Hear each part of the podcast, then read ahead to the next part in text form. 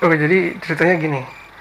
Eh, tadi kan gue bilang sama bini gue mah potongin rambut dong. Terus kata gue, bini gue potong kayak gimana? Gue nggak bisa. Ya udah gue bilang udah botakin aja.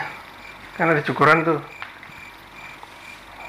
Terus eh, pas dia mau motong nah gue agak ragu terus. Gue tanya lagi tuh mata lu nggak apa-apa kan terus dia jawab emang kenapa? Gue bilang aja maksudnya kalau nggak apa-apa gue tenang gitu. Kok bisa? Iya maksudnya gini nanti lu pas motong lu bisa bedain nggak? Mana kulit mana rambut. Soalnya sama-sama hitam